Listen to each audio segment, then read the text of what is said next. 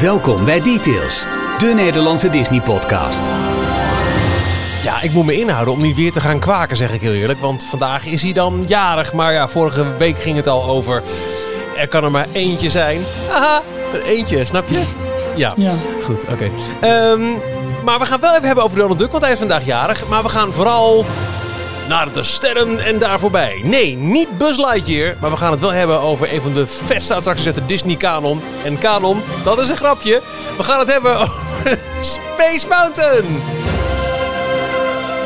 Hier zijn Ralf, Jorn en Michiel. Jullie mogen met Die alle tijden hier dus nog uit zijn uitgooien. mouw. Ja, Ja, ja, die schudt hij sorry. gewoon live uit zijn mouw. Sorry. Het is goed dat we er geen beeld bij hebben, maar het schaamrood op de kaken kwam, Michiel. Nou, nee hoor. Schaamteloosheid op de kaken. Welkom bij aflevering 198 van Details. We naderen de 200. Pew, pew, pew. En vandaag eh, zijn we weer gewoon met z'n drietjes. eh, zonder Diederik. Bijna al eh, een gemis van, want jongens, Jorn, Ralf, wat was het leuk. Het was heel leuk. En eh, als ik ook eventjes naar de cijfers kijk van de download, waar we normaal gesproken vijf keer in de week worden beluisterd, zeven keer al. Nou, wat leuk. Heeft Diederik toch twee keer weer opnieuw zitten luisteren. Lekker toch? Nee, maar ik, ik vond ook vooral zijn, zijn enthousiasme ehm reactie bijvoorbeeld na afloop op, op social media die we hebben gezien van mensen die hebben gereageerd op, eh, op, eh, op de podcast. Ik krijg ook een paar berichten nog van mensen die normaal gesproken helemaal niet naar Disney luisteren en of niks met Disney hebben, maar dan door het aanhaken van Diederik nieuwsgierig waren geworden, hebben geluisterd en puur Op basis. goed? Ja, ja. Oh. Nou, op basis van, van, eh, van de passie waar we met z'n allen over eh, hebben gepraat. En dat merkte ik ook bij jullie vorige keer. Van ja, toch wel heel erg nieuwsgierig. Ik heb ook nog eventjes in mijn vrije tijd een, eh, een, een, een paginaatje lopen tikken met, met, met waar moet je beginnen met lezen en zo. Maar het was gewoon een heel leuke en plezierige en, en gepassioneerde details. Eh, 197 over Carl Barks en Don Rosa. Heb je nog niet beluisterd en je wil meer weten over de strips van Disney, met name de Donald Duck strips, dan is dat de aflevering die je kunt beluisteren. Ja, en dus die posting van jou die je hebt gedaan eh, van het weekend, ook op eh, d-log.nl te vinden. Wat leuk dat je dat noemt, want dat is onze website. We zijn ook te vinden op Instagram en op Facebook, dlognl. En op eh, Twitter, d-log. En we, dat zijn Ralf, Hi. Jorn Hi. En Michiel. En ikzelf. Michiel. Ja, dat is een beetje gek eigenlijk. Ja, ja, sorry. Eh, en op die d-log.nl kun je ook laten weten dat je ons financieel zou willen steunen. Dat eh, kan, dan heet je donateur. En normaal gesproken zou ik er een heel muziekje voor starten, maar er is één nieuwe, dus ik ga geen muziekje doen, Ralf. Nee, dat hoeft ook niet. Het is eh, Stefan Collard. En eh, het goede voorbeeld van Jorn vorige week is gevolgd. Want ook zijn vader, moeder, zus, broer, oom, tante, opa, oma en buurjongen hebben zich eh, aangemeld. Crazy! Ja, Crazy! Zelf toch? Eh, we hebben ook heel veel vragen van donateurs die ik Maar zullen we die eh, voor de volgorde van eh, deze podcast eh, later behandelen in de, de ja hoor, dat inbox? prima. Dat Dan eh, ben ik eerst benieuwd, Jorn, naar jouw Disney nieuws van deze week. Gaan we gelijk met mij beginnen? Oh joh. Ehm, Ook een keer leuk, toch? dat doe je altijd al volgens mij. Is het zo? Ja. Ja, dat is omdat ik, een, ik wil een wicht drijven tussen, tussen Ralf en Ralf en Ralf. En die is best wel aan het woord namelijk. Nee, nee, nee, nee. nee. Want, hou. Nee, nou, laat maar. Jorn, begin gewoon. Nee, praat maar even vol, want ik moet het nog even opzoeken. Dan, begin ik gewoon. Dan doe ik eerst eentje en dan pak jij daarna door. En dan, eh, jongens, eh, we hadden het vorige week al even over de ontzettend grote aantal wijzigingen, updates die elke keer vanuit het resort in, in Orlando eh, doorkomen. Met de opening op 11 en op 15 juli van, van de parken, van de themaparken. De waterparken is nog niet zo over bekend. Ehm, nou goed, eigenlijk elke dag komt er weer meer nieuws bij. En tot nu toe is het met name wat je vooral niet hoeft te verwachten. Eh, maar dit weekend kwamen nog wat, eh, wat vervelende verrassingjes om de hoek. Want ook mensen met een resortreservering, die dus een hotelkamer hebben geboekt tijdens de, openings, eh, tijdens de opening of eigenlijk na de opening van het park, zijn niet gegarandeerd, eh, hebben geen gegarandeerde toegang tot de parken. Ook al hebben ze een kaartje. Want eh, het, eh, het resort gaat werken met reserveringen per dag. Dus je moet een, een ticket hebben, een geldig ticket. En met dat geldig ticket kun je een reservering maken. En op het moment dat er dat de capaciteit is bereikt, dan is de capaciteit bereikt. En waarschijnlijk krijgen jaarpashouders en resortgasten krijgen voorrang. Maar ze hebben waarschijnlijk de, de rekensom gemaakt met een bepaalde bezettingsgraad die ze in de resorts hebben. eh, capaciteit die ze in de parken kwijt kunnen. Ja, waarschijnlijk is het aantal on-site gasten groter dan de capaciteit die ze in de parken hebben. Ook misschien rekening houdend met dat ze een deel reserveren voor, uh, voor jaarpashouders. Maar het is dus niet gegarandeerd dat je toegang hebt op het moment dat je een hotelkamer daar hebt. En dat is toch wel een vrij hard gelach als je uh, ja, daar een boeking hebt en eigenlijk denkt, eh, bijvoorbeeld zeg maar wat, je bent daar een week of twee weken on-site, dan wil je feitelijk elke dag het park in kunnen. Kunnen, ja. Nou, ja. Dat, is, uh, dat, is nu niet, uh, dat is nu niet het geval. Ja, dat is het uh, hele dus relaxte wat Jorn altijd beschrijft als je on-site verblijft. Dat je, ach, dan ga je een keer s ochtends een uurtje daar naartoe. Dan ga je even weer naar, naar je zwembad en, en smiddags ga je een uurtje daar naartoe. Dat hele spontane is natuurlijk de, voor de voorlopige toekomst volledig af. Klopt, ja. En daar, daar komt nog eens een keertje bij dat ook het park hoppen, wat, wat het vaak zo leuk maakt omdat je daar al die transportmogelijkheden hebt, is ook niet mogelijk. Je maakt dus een reservering voor één park per dag. Dus zij brengen het, dus hoppen is niet nodig. Nee, hoppen kan dus niet. Ja. Um, het Dolphin en het Swan Hotel zijn tijdens de opening uh, nog niet geopend. Die gaan pas eind van de maand uh, open. Um, nou goed, ze voelen natuurlijk ook wel aan dat dit een behoorlijke impact kan hebben, impact kan hebben voor de mensen die gereserveerd hebben. Dus we hebben nu in ieder geval al de mensen opgeroepen die reserveringen hebben voor de laatste week juni en de eerste week juli. Uh, die moeten voor 12 juni actie ondernemen om te laten weten of ze komen of niet. Dat is nu net even de periode voordat de parken echt, echt open gaan. Um, en wat er vandaag nog bij kwam, is dat Disney nog even benadrukte dat met name de internationale gasten, die, ja, die mogen überhaupt die met Amerika niet in voor ja, niet-essentiële reizen. Maar ook de drie staten rondom New York, ja. dat noemen ze dan de New York Tri-State. De mensen die daar vandaan komen, moeten twee weken in quarantaine als ze in Orlando aankomen. Oftewel bezoekers vanuit, uh, vanuit dat deel van het, van het land ja, hoeven dus voorlopig niet te rekenen dat zij het, um, dat ze het resort op kunnen. En dat is uh, ja, een, een, het is een capaciteitsmaatregel, zoals we het ook kunnen zien. Ja. Maar ook een extra veiligheidsmaatregel, omdat natuurlijk uh, New York zeg maar wel het, um, uh, het centrum van de epidemie is in, uh, in Amerika. Ja, ja. Ja, hoe, hoe kijk jij daar tegenaan, Ralf? Met, met volgens mij officieel nog steeds op papier een geboekte vakantie naar New York ja, en nou, Orlando. De, de, ja, de, de, kans dat dat, de kans dat dat doorgaat is, is echt nihil. Maar, uh, oh ja, wat ook nog bij is gekomen is dat uh, Walt Disney World gasten die tot en met, die, die nu geboekt hebben, die hebben tot en met 3 oktober aanstaande mogelijkheid om hun verblijf zonder kosten te verzetten of te annuleren. Ja. Dus uh, dat is feitelijk allemaal nu gewoon geregeld. Um, ja, ik wacht nog wel het reisverbod even af. Dat kan nog tot het eind van de maand sowieso. Uh, maar de, de kans dat het doorgaat is, uh, is, is niet heel. Maar aan de andere kant, ik heb ergens ook van ja, met zoveel beperkingen weet ik ook niet of ik het wel leuk vind. Helemaal als ik geen gegarandeerd toegang heb tot de parken.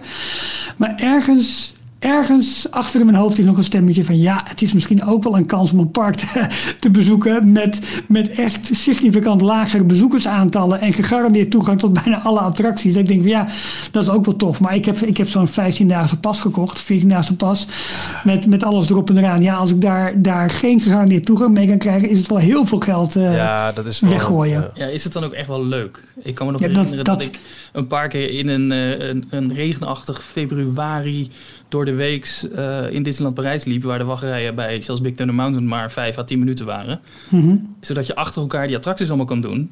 Dat is hartstikke leuk, maar de, de sfeer gewoon in het park zelf, dat is wel echt... Nee, uh, maar je noemt twee belangrijke factoren. Parijs en regen. en Orlando en zon is echt een andere omstandigheid. Dat is wel waar. Ja, dat ja, is gewoon zo. Maar, uh, maar, maar in ieder geval dan, dan nog dus... Nee, ik acht, ik acht de kans zeer klein dat dat doorgaat, maar... Ja, weet je, op zich heb ik alles is geregeld. Ik kan op het moment dat ik wil, kan ik het annuleren en, en, uh, en ga, gaan we wat anders uh, regelen. En dan wordt het denk ik volgend jaar of zo. Je had uh, dus bij jouw uh, nieuws nog één ander dingetje erbij gezet. Uh, dat wil ik toch eventjes doorschuiven naar later. Want ehm, ik weet dat Jorn ook iets over Parijs heeft. Dan gooi ik gewoon ja. even heel snel mijn nieuwtje doorheen. want ja, eigenlijk, ja, nou, het is heel, heel simpel. Donald Duck is jarig. Ja. Vandaag uh, 86 jaar oud. Lang zal die leven, lang zal die... Ze ook dacht dat hij uit 34 kwam. Dus... Ja? Oh, sorry, 2020. Ik zit mentaal al in 2021. Ja, jij, jij bent zo... White Little Hen. Ja. Wie helpt mij met de mais? We hebben heel vaak de Nederlandstalige versie uh, bekeken toen uh, de, uh, de kinderen hier nog klein waren. Ja, uh, legendarisch hij jongens. Hij was heel sympathiek, toch? In dat nee, filmpje? hij was een, een, een, een luie donder. Want die wilde uh, vooral oh, ja. niet meehelpen met het, het zaaien van de mais en het oogsten van de mais en het bereiden van de mais. Maar toen alle mais lekker netjes klaar waren, stonden hij en zijn varkenvriendje vooraan. Maar ja, dat komt toen niet meer. Dus toen was het klaar. Toen was het jammer. Nou goed, we hebben natuurlijk vorige week een prachtige special gehouden over ja, de Duk, laat ik het zo maar eventjes zeggen. De Duckies, de Duck-verhalen. Uh, waarin we het uh, meer dan uitgebreid hebben over, over Donald Duck hebben, hebben gehad. Wel leuk dat we vandaag ook uh, tenminste alle Disney Plus abonnees als het goed is een mail hebben gekregen met het feit dat Donald Duck jarig is met nog even in de spotlight de leuke titels op Disney Plus die te kijken zijn. waaronder de DuckTales. Geworden, ja. Sorry? het is nu een collectie geworden, dus je kan via de, de zoekpagina sneller naar alle Duck filmpjes. Ja, nou ja, de DuckTales, de Three Caballeros natuurlijk, waar die onder zit. De DuckTales, de movie, uh, de Drie Musketeers. Uh, kortom, er zit veel meer Disney magie, of uh, Duck magie in, op Disney+. Plus. Nou, dat. Ja, ja meer, is, meer nieuws is het niet. We hebben het uitgebreid over gehad vorige week. Ja, mocht ook niet op het feestje komen, want dat was allemaal nog niet in deze tijd. ja, Shanghai viert een feestje vandaag als enige Disney ja. de wereld met uh, Hoe de doe je trouwens met een snavel en een mondkapje? Werkt dat een beetje? Hmm. Uh, twee keer vouwen, denk ik. ja. Gewoon zo'n knijper aan de voorkant. Ja, dat zou het zijn. Ook, ja. Nee, dus het is een nieuwtje voor niks. Maar dan, uh, ja, Jorn, um, het is een beetje flauw. Want ik ga vragen, wat is jouw nieuws? Maar dat weet ik al, want het staat in het draaiboek. Maar van daaruit kunnen we ook gelijk door naar een paar volgende dingen over ontwikkelingen in prijs. En ik vind jouw nieuws wel echt te gek. Je, je, je appte dit ons gisteravond, toen ik eigenlijk al naar bed moest. En ik moet altijd vroeg uh, slapen. Maar ik heb echt mijn, uh, mijn slaap even danig ingekort. Want ik wilde het toch eventjes lezen. Ik vond het echt te gek wat je stuurde. Ja, ik, uh, ik wil het even goed opzoeken. Daarom uh, duurde het even voordat ik het uh, voor me had. Wie het nou precies getweet heeft. het gaat namelijk om Jeffrey Hawkins. Op Twitter-account JHawkFL. Dit is een. inmiddels werkt hij al 22 jaar als program manager bij Walt Disney World. Maar hij heeft van 91 tot 97 ook bij, in Parijs gewerkt. Als attraction manager. En ik gok dat hij onder andere betrokken is geweest bij uh, de opzet van, van Space Mountain, waar we het dus later uitgebreid over gaan hebben. Uh, want hij is de laatste paar dagen allemaal hele waardevolle uh, foto's aan het uploaden op Twitter aan het delen met ons. Namelijk van interne memo's van Walt Disney Imagineering. Dat zou vast niet mogen, maar wat zijn we er blij mee? Nou, het zou best wel eens kunnen. Want dit kwam uit, welk jaar dan? 99 hè, volgens mij. Uh, waar ik het nu over heb is 96. Maar hij had ook al iets eerder over uh, Space Mountain. Uh, een aantal memo's en documenten heeft hij gedeeld met wat belangrijke data. Bijvoorbeeld, zo is op in augustus, even kijken, 3 augustus 1994 werd er een memo uh, rondgestuurd naar alle betrokkenen, afkomstig van Tim Delaney, dus dat is de, de hoofdontwerper van, uh, van Space Mountain, naar Tony Baxter, Philippe Bourguignon, wat toen volgens mij nog de, de baas van, uh, van Euro Disney SCA was. En nog een hele lijst mensen, oh, inclusief Michael Eisner, over um, we hebben de, hierbij de bevestiging dat we de naam gaan veranderen van Discovery Mountain naar ja. Space Mountain. Dus in augustus 94 is die uh, beslissing officieel gemaakt. In, op 1 juni 1995 is de attractie geopend. Dus ze hadden iets minder dan een jaar de tijd om alle referenties naar Discovery Mountain uh, eruit te halen. Niet gelukt het hele marketingplan op te zetten met Space Mountain in plaats van Discovery Mountain. Ja, ja en, en uh, waar ze volgens mij nog het minst problemen in zagen was met name de marquee boven de entree. Want ja, dat was, dat was vrij snel te doen, als artwork voor nodig. Maar, uh, maar dat, waren, dat waren mooie documenten inderdaad. Dat je dat, ja. Uh, maar zou kunnen... In regarding the tagline From the Earth to the Moon, that is to follow the name Space Mountain. This copy has not yet been confirmed. Ja. Gaan, komen ze nog op terug? Nou, dat is het uiteindelijk wel geworden. Maar datzelfde account, dezelfde meneer uh, Hawkins, die uh, tweette dus gisteravond een heel interessant document over uh, vijf pagina's stellend uit 1996. Ja. Uh, dus net na de, de succesvolle lancering van Space Mountain en uh, de, de betere bezoekerscijfers van, uh, van Disneyland Parijs, de hele rebranding naar Disneyland Parijs van Euro Disneyland. Uh, dus ze gingen voorzichtig even naar de toekomst kijken. Ze, deze memo uh, is een overleg tussen Walt Disney Imagineering en het management van Disneyland Parijs. Uh, waarin ze een aantal attractievoorstellen hebben besproken voor 1999. Um, en het grappige is eigenlijk wel dat volgens mij geen een van die attracties is het geworden. Nee, maar stel je eens voor. maar wat, ja, waar hebben ze het allemaal over gehad? Um, even kijken hoor. een theater, Proscenium Theater. Een entertainment, groot entertainment theater rechts van It's a Small World. Dus daar is een, een plek waar de parade bijvoorbeeld nu naar buiten oh komt. Ja. Ehm, daar is een stuk grond nog beschikbaar. Daar staat geloof ik ook een event tent achter de schermen waar je via uh, Star Tours dacht ik in kan. Ehm, daar zou dus een heel groot theater gebouwd gaan worden. Of het is een van de mogelijke uh, opties. Want uh, uh, 2000 stoelen tellend theater, dat hebben ze nodig voor grote entertainment shows. En eh, een theater met een heel groot toneel waar ze ook allerlei vaste belichtingen zou kunnen ophangen. Is het uiteindelijk niet gekomen. Um, toen hebben ze nog gekeken naar wat Tokyo Disney Sea projecten. Oh. Het was dus 1996. Uh, Tokyo Disney is in 2001 geopend, maar was al in, uh, in conceptfase of misschien nog wel verder. Uh, Journey to the Center of the Earth en 20.000 Leagues Under the Sea. Dat, die zijn beide besproken als mogelijke attracties voor 2001 en later. Um, de thema's, zeiden ze, die pas, dat zou heel goed passen binnen Discoveryland. en ze hadden vooral interesse in 20.000 Leagues Under the Sea. Want vanwege de huidige Nautilus, die al uh, geopend was rond voor de opening van Space Mountain. Ja. Um, zou die attractie dus kunnen dienen als een pre-show. En uh, de, de grote showbuilding zou daar ergens achter diezelfde berm uh, geplaatst ja, kunnen worden. Briljant. Als je, mocht je dat niet weten, je gaat dan zo'n, zo nu is het een klein gebouwtje in waarbij, het een, waarbij je die walkthrough attractie bezoekt. Het heeft natuurlijk niks te maken met dat stukje Nautilus wat boven het water uitsteekt. Je gaat gewoon nee. totaal ergens buiten de berm denken dat, dat die showbuilding is. Dus je kunt van die, dat, dat gangenstelsel had natuurlijk een perfecte ingang kunnen zijn. Een heel elaborate uh, ingang richting een grote attractie. Waarbij je zo het park wordt uitgeleid zonder dat je het in de gaten hebt. Dat was fantastisch geweest. Ik heb jullie ook het verhaal daarachter, achter de Nautilus attractie, wat, wat, daar nog zo uniek aan is. Dat de, er is een Imagineer die uh, was fan, geloof ik, van, uh, van de film. Dus de oorspronkelijke 20.000 Leagues Under the Sea film. En die kon op een op een aantal um, uh, napkins. Wat zijn dat? Uh, servetjes. Servetjes. Uh, heeft hij allerlei onderdelen van de Nautilus getekend. En dat, zorgde voor, dat werd uiteindelijk de basis van, van die hele walkthroughs. Hebben dus allerlei onderdelen die hij op die servetjes had getekend, hebben ze na kunnen bouwen. Wow. En op die manier hebben ze de, de walkthrough in, in Parijs toe kunnen voegen. En dat was een soort ode aan, aan de oude film. En, en ik dacht dat die man zelf, die Imagineer, ik ben zijn naam even kwijt. Sam McKin hij heeft hem wel zelf ook nog gezien, die attractie. Maar is niet veel later daarna is die, is die overleden. Ik weet dat Ochtend in Pretparkland heeft ooit een volledige thema-aflevering aan, aan, aan, onze Nautilus-attractie gewijd. Um, Le Mystère du Nautilus.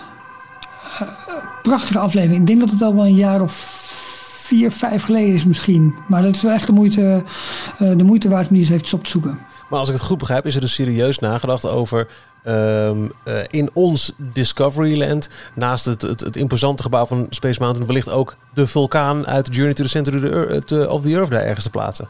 Ja. Maar dat zou ik wel heel raar vinden hoor. Nou, het, is, het is besproken. De ingang is natuurlijk allemaal vulkanische rotsen hè, van, het land. Dus, dus, ik vind niet zo heel gek. Sterker nog, komen we straks op. Discovery Mountain was eigenlijk een soort van vulkaan geweest. Ja, maar goed, als je dan besluit om er Space Mountain van te maken, die staat er dan, om ja, dan een tweede, een tweede mountain zeg maar, in, dat, in dat gebied te krijgen, vind ik wel vreemd. Ja, maar daar staat hier ook, ze, uh, letterlijk tijdens dit gesprek met, met het management, hadden ze vooral interesse in die, uh, die andere attractie. en dat is weer een dark ride. Dat is uh, een, een grote onderzee die hangt onder een rails. Ze suspended dark ride, waarbij je het gevoel krijgt alsof je onder water bent, maar dat ben je eigenlijk helemaal niet is een speciaal effect waarbij de, de scènes waar je op uitkijkt, uh, daar is alles zo gemaakt alsof het lijkt alsof het diep in de zee is.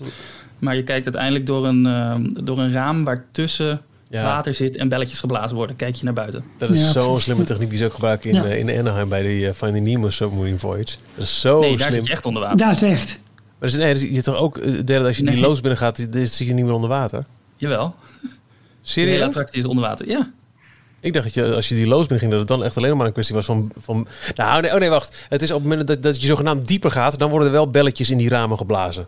Ja, die belletjes hebben ze wel toegevoegd. Dat wel. Je bent ja, de hele ja. attractie ben je onder water. Oké, excuus. Uh, ja. En ook omdat je in die attractie met de ruggen naar elkaar zit. Iedereen kijkt, uh, de ene uh, helft van de mensen kijkt naar links naar buiten en de andere helft naar rechts. Ja. Is de showbuilding ook enorm groot, omdat ze alle scènes twee keer hebben moeten bouwen. Ja, duidelijk. Maar er was meer. Maar dat was niet het enige. Was, ja, nee. Uh, nou, deze is ook heel vaak voor, uh, langsgekomen, ook later nog in allerlei uh, discussies. Indiana Jones and the Temple of the Forbidden Eye. Hmm. Dus de, de, grote Indiana Jones attractie uit Anaheim. Um, some concerns hebben ze wel besproken tijdens deze meeting. Ze vinden dat de, de OHRC, volgens mij is dat de Operational Right Hourly Count. Ja. ja. Die vinden ze in, uh, in Anaheim nog te laag. Ze zouden tenminste 2100 uh, bezoekers per uur willen. Ja. En dat, uh, dat, dat haalt Disneyland dus niet. Dus dat, dat is een van de redenen waarom ze hem niet zouden willen. Een ander, een ander bezwaar was ook dat het onderhoud technisch vrij, vrij heftig was. Ja, of duur. Zeggen, ja, maintenance intensive. putting the showbuilding in Adventureland Meadow. Dat is dus dat kleine stukje gras uh, tussen Pirates of the Caribbean en uh, de Indiana, Indiana Jones en the Temple of Peril. Um, may not be the best use of available green space. Dus misschien vinden ze vonden het zonde om daar een grote uh, oh. loods neer te zetten. Oké. Okay. Indiana Jones theme may not be as popular in Europe as it is in the States. Oh. Oh. Vind ik ook een rare reden. Ja. Maar uh, dit vond ik nog wel de belangrijkste eigenlijk. Disneyland Paris may have already played its indie card with the Temple of Peril. Koekoe. Ze waren gewoon bang dat ze nu al te veel Indiana Jones hadden. En dat daardoor geen uh, nieuwe mensen meer uh, ja. naar het park zouden komen. Omdat ja. ze, ja. ja. ze hebben al een Indiana Jones attractie. Dus. Ja, oké. Okay. Duur beslissing dan twee van die standaardbaantjes. Ja. ja. En ze hadden een heel mini-landje daar kunnen bouwen. Maar goed. Ik ben er nog steeds voor hoor, als, als ze het universum willen gaan uitdijen met nieuwe films. Ik vind het nog steeds een fantastisch ja. idee. Explorers Die, Club, let's go. En Meadow is nog steeds beschikbaar. Dus, ja, exact. Kom maar door.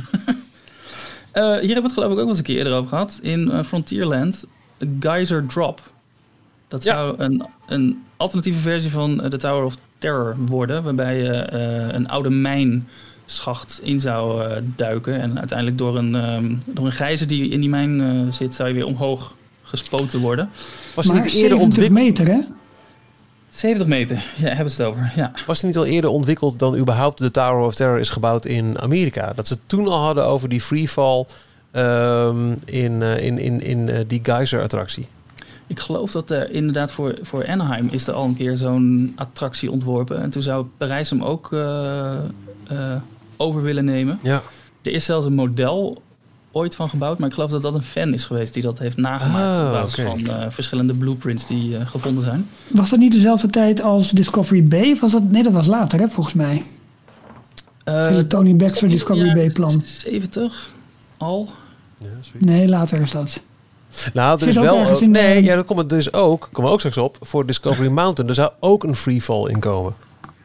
Ah, oké. Okay. Ja. Maar ze zetten hier even ook wat uh, pros en cons, dus wat voor- en tegenpunten tegen elkaar. Uh, een voor, ja, aantal uh, pros. Een marketing home run. Geezer Drop. Daar zouden ze echt een enorme reclamecampagne weer om kunnen, kunnen maken. Ja. It would be a first in Europe. Ja. It creates another park icon. Ook wel interessant. Ja. En it utilizes proven elevator ride system technology. Dus ze hadden natuurlijk de tower ja. al. Het werkt, dus het zou niet een prototype worden. Maar de punten tegen uh, het zou niet opgeleverd kunnen worden voor 1999. Mm. Um, does it attract the right demographic? Dus als we zo'n attractie neerzetten, komen dan wel de mensen die we eigenlijk in ons park willen? Oh. Komen die dan wel? Of komen alleen maar thrill-seekers en ja, ja, ja. Uh, bezoekers die we eigenlijk het liefste niet, uh, of nou waar wij niet het park voor zijn? Um, de, de theoretical hourly ride capacity zou niet hoog genoeg zijn, 1800. Ze wilden echt een, een grote people eater. Voor Rise of the Resistance ook geen probleem, maar goed. Dat nee, nou ja.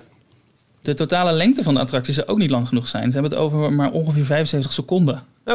Maar dat vind ik echt heel kort. Dus dan zou het bijna een drop tower ja. ja. Op, klaar, waarbij er niet, ja, waarbij er niet echt een, een voorshow of zo uh, in zou zitten. Uh, en de tower zou out of skill zijn met de rest van het park. 70 meter hoog. Dus hoe ga je dat dan weer verstoppen. Ja. ja, want dan krijg je natuurlijk... Uh, op enerzijds heb je het uh, kasteel... en aan de andere kant heb je daar zo'n mega geyser boven. Ja, ja het kasteel is maar 45 meter, geloof ik. Ja, zoiets. En de huidige tower is, dacht ik, 60 meter. Ja. Dus dan zou hij... Hij had nog groter geweest. Ja. En uh, de plaatsing zou in Frontierland naast de Phantom Manor zijn... Ja. waar je nu de huidige geysers al hebt. Een beetje die hoek.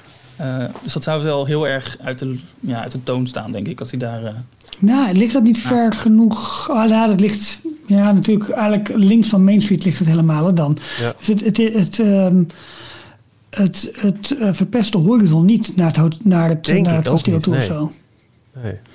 Nog drie attractievoorstellen zijn besproken. Oh. Oh. Lost, Lost, World of Dinosaurs. Uh, this attraction received mixed reactions. Dus uh, men wist niet echt wat ze daarvan moesten vinden.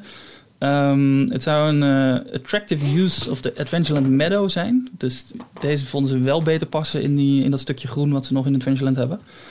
Um, maar concerns are raised about it not adding covered capacity and that dinosaurs may not be home run marketing hook. Hm. Ik weet niet, dit was 96. Ja, dat was drie jaar na Jurassic Park. Park. Ja. Komt uit 394. Koek, Zijn dinosaurussen niet uh, te markten? Oké. Okay. Um, this attraction is not running in the running for 1999. Further study, perhaps by research and development, could be done to determine feasibility of creating a tropical microclimate during the winter months. Ah. precies, er staat niet echt omschreven wat voor attractie dit zou zijn. Maar, Living with the Lands, maar dan met dino's. Ja, als je het leest lijkt het eerder misschien... Het is een buitenattractie. Ze hebben het over een microclimate. Dus uh, het lijkt misschien wel iets van een Jungle Cruise achtige versie, maar dan met die. Oh, zo. Ik dacht juist wel meer indoor, maar oké. Nou, ze hebben het juist over dat het, uh, dat het buiten is. Not, no covered. Uh... Oh, no covered. Oké, sorry. Ja. Um, ik zal eerst even die andere doen voor het eindigen met een wat grotere klapper. Uh, Animation Hall of Fame. This attraction was discussed and generated much interest. It could be considered as an alternative to doing an e-ticket attraction op zich denk ik dat het management van Parijs daar wel oren naar had. In plaats van een grote e-ticket, ja. het ook goedkoper doen. Uh, there is a desire to further explore this idea, though perhaps not the fully developed 50 million dollar version. Um, en dit zou dus gaan om een. Uh, uh, het lijkt een beetje, denk ik, op wat er nu uiteindelijk gebouwd is in, in de studio's. De, de Art of. Disney Animation. Maar kost dat zoveel? Ik weet niet wat ze precies van plan waren. ik denk iets, iets, iets, iets groter dan wat we nu hebben. Lijkt maar dit zijn Disney dollars, hè? Daar moet je wel. Uh, ja, oké. Okay, zijn al vaker. Uh, die, die omrekenkoers is, uh, is apart. Wat later staat er ook onderaan. It was requested that WDI, dus Walt Disney Imagineering, provide cost estimates in French French francs oh, using current exchange rates. Dus ja, en ik weet niet hoe het toen ging, want het was natuurlijk nog pre-euro, maar al wel met alle, met, uh, in, een, in een tijd volgens mij dat er daar al wel uh, naartoe gerekend ging worden. Dus ik weet niet wat, wat toen de, de, wisselkoersen waren en of dat nou gunstig of niet gunstig was. Maar ik weet wel dat uh, wat een Parijs, of Disneyland, sorry, Space Mountain in Parijs, die dat is al vaker bekendgemaakt. Die heeft het net onder de 100 miljoen is die voor gebouwd. Dus ik geloof dat die 95 miljoen of zo aantikte. Uh, en dat hebben ze, heeft het team ook net gehaald. Ze hebben echt hmm. de laatste dollar hebben ze, hebben ze erin gestoken. Maar 100 miljoen voor zo'n attractie. Zo. Veel. hey, maar eh, de laatste is ook een uh, uitsmijter. Dus kom maar door, uh, broer Jorn. ja. da, da. We, hebben het er vaker over gehad. Splash Mountain. Ja. Um, In an effort to keep costs down, a modified version of the uh, Walt Disney World attraction was presented with a theoretical hourly ride capacity of 2060 people. Dus 2060 personen per uur zouden erin kunnen. Um, even kijken. Discussions focused on the theme. Dus het uh, Zippity Doodah broer ja. thema. Is dat wel uh, bekend genoeg in Europa? Brand equity of the attraction does Disneyland Paris need that equity? Ik weet niet precies wat ze daarmee bedoelen. Um, and the nature of a flume attraction.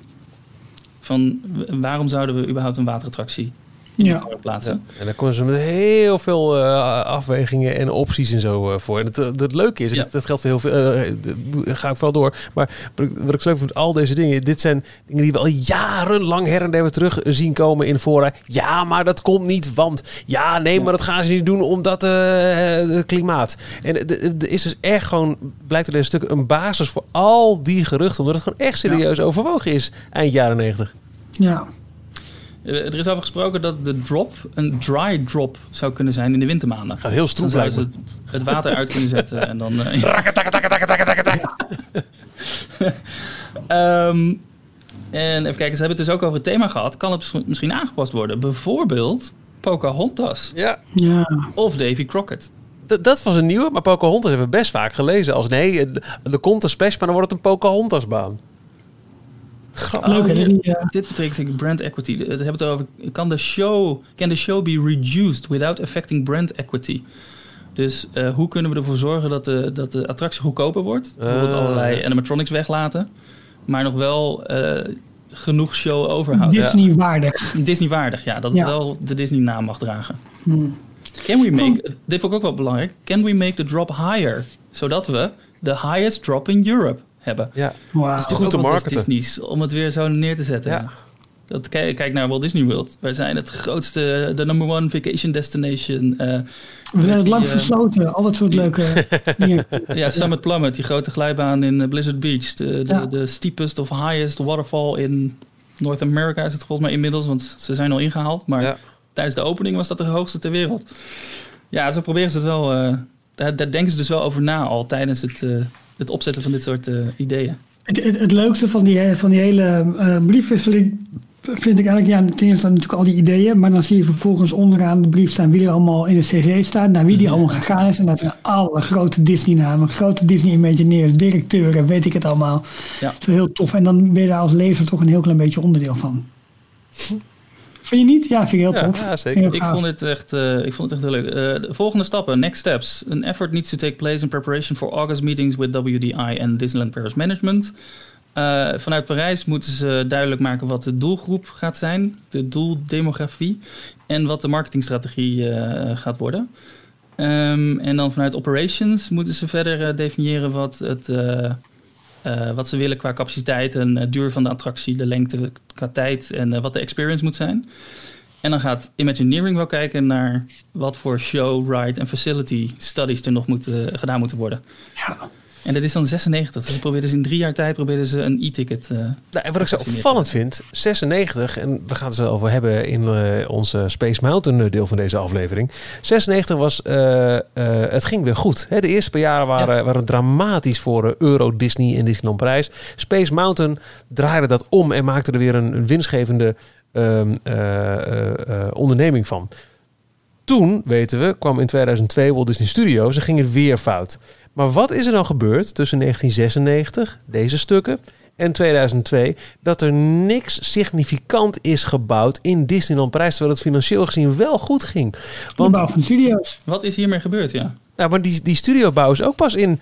De studio is in 99 uh, aangekondigd. Ja, dus laten we zeggen dat in, in 98 zo zal dan, uh, nou 97, 98 op, op zijn vroegst of op zijn laatst, zal intern de knop zijn doorgehakt. Jongens, uh, Eisen wil dat alles een resortbestemming wordt, dus er moet een extra park worden gebouwd waren ze misschien al heel ver gevormd met een van deze voorstellen dat die op het allerlaatste moment toch van de tafel is geveegd, want er moet een tweede park worden gebouwd. Dus laat dan die extra attractie daar maar zitten. Ik weet wel dat bijvoorbeeld voor Splash Mountain zijn er echt gedetailleerde uh, blauwdrukken online te vinden. Ja. Die uh, de, de attracties plaatsen waar die moet staan, inderdaad. Wat echt past op uh, het stuk Frontierland Station in Parijs. Dus die, ja, daar zijn ze wel een stukje verder mee geweest met de, de ontwikkeling van die attractie. Ik, ja, en, en, het niet toen ook al met die banken in de, in de weer? Dat het ook al... Uh, ja, maar ja, goed, het ging wel goed. Hadden, en dan twintig banken of meer, die moesten toestemming geven. van vinden. Er was wel weer een, een schuldsanering geweest waarschijnlijk. Dat is wel waar. Maar het, het, het geeft wel te denken dat we dus... Als ik dit zo een beetje in tijd paden plaats. Dat we toch dichtbij een extra attractie zijn geweest voordat de beslissing werd genomen. Nee jongens, we gaan volle focus op een extra park erbij. Waarbij je ook kan afvragen, al die vraagstukken die ze hierbij benoemen van hoe zit het met de capaciteit? Hoe zit het met de aantrekkingskracht? Kennelijk is alles wat in de studio's is gebouwd, heeft daar aan voldaan? Of was er, joh, er moet een park komen, kan mij schelen wat de capaciteit is. Hier is een vliegende tapijt.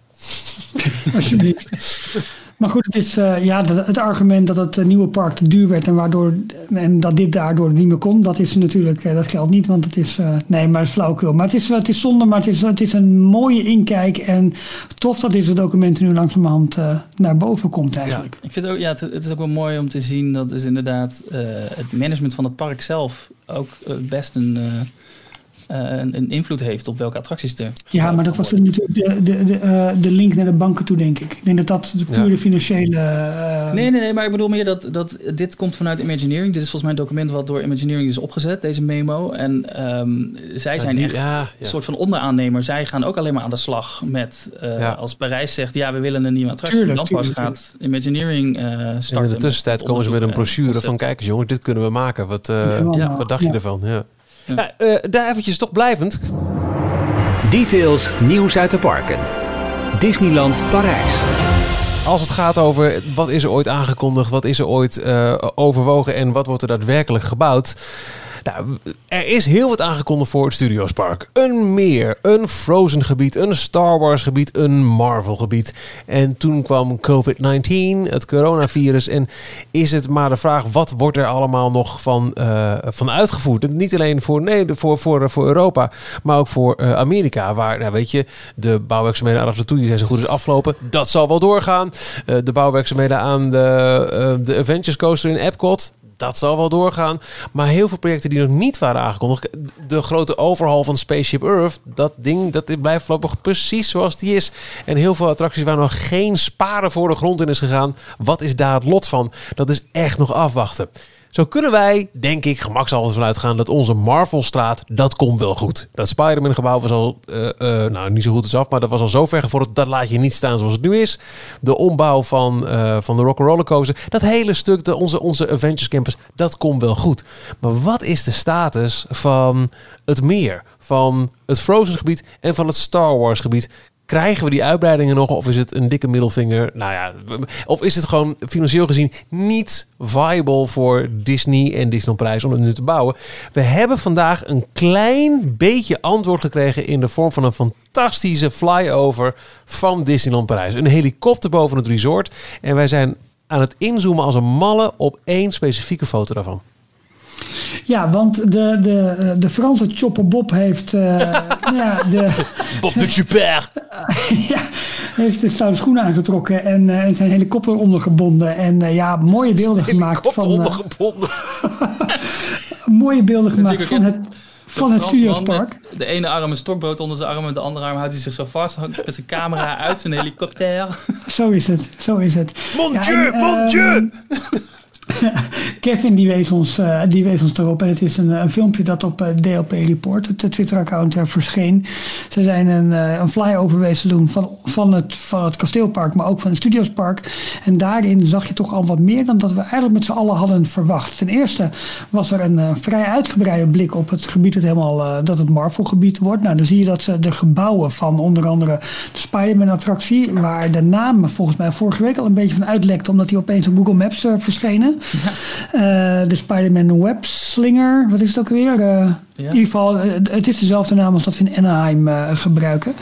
Um, maar ook zie je dat de hele façade van de Iron Man coaster, dat die eigenlijk ook helemaal weg is. Dus je ziet daar geen, geen boarding meer van de Rock'n'Roller coaster. Het gebied is echt mooi ja, vlak gemaakt eigenlijk. En, en klaar om, om ingevuld te worden met... Um, uh, ja, met, met, met, die, met die fantastische, ja, een beetje Tron-achtige façade die het krijgt. Dat hele gebogen waar dan Iron Man op komt te staan op een of andere manier. Tenminste, de, de, de letters. Um, maar je Zouden ze die, nog, die 9 nog afhalen van het, het gebouw waar de coaster daadwerkelijk in zit? De oude Studio 9.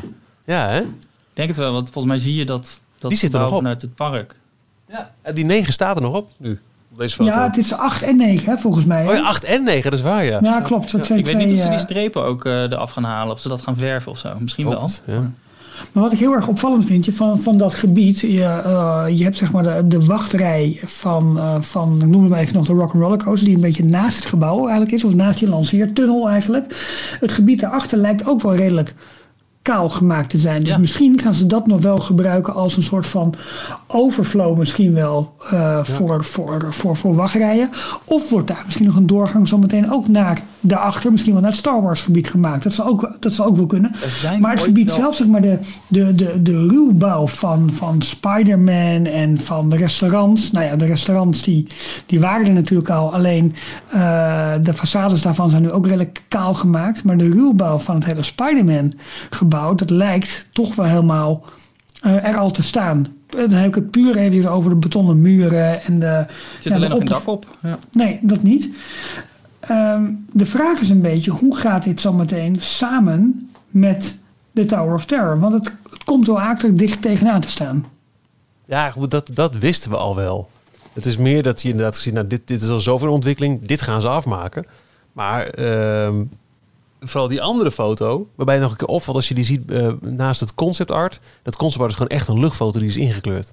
Ja. Had je dat ook op?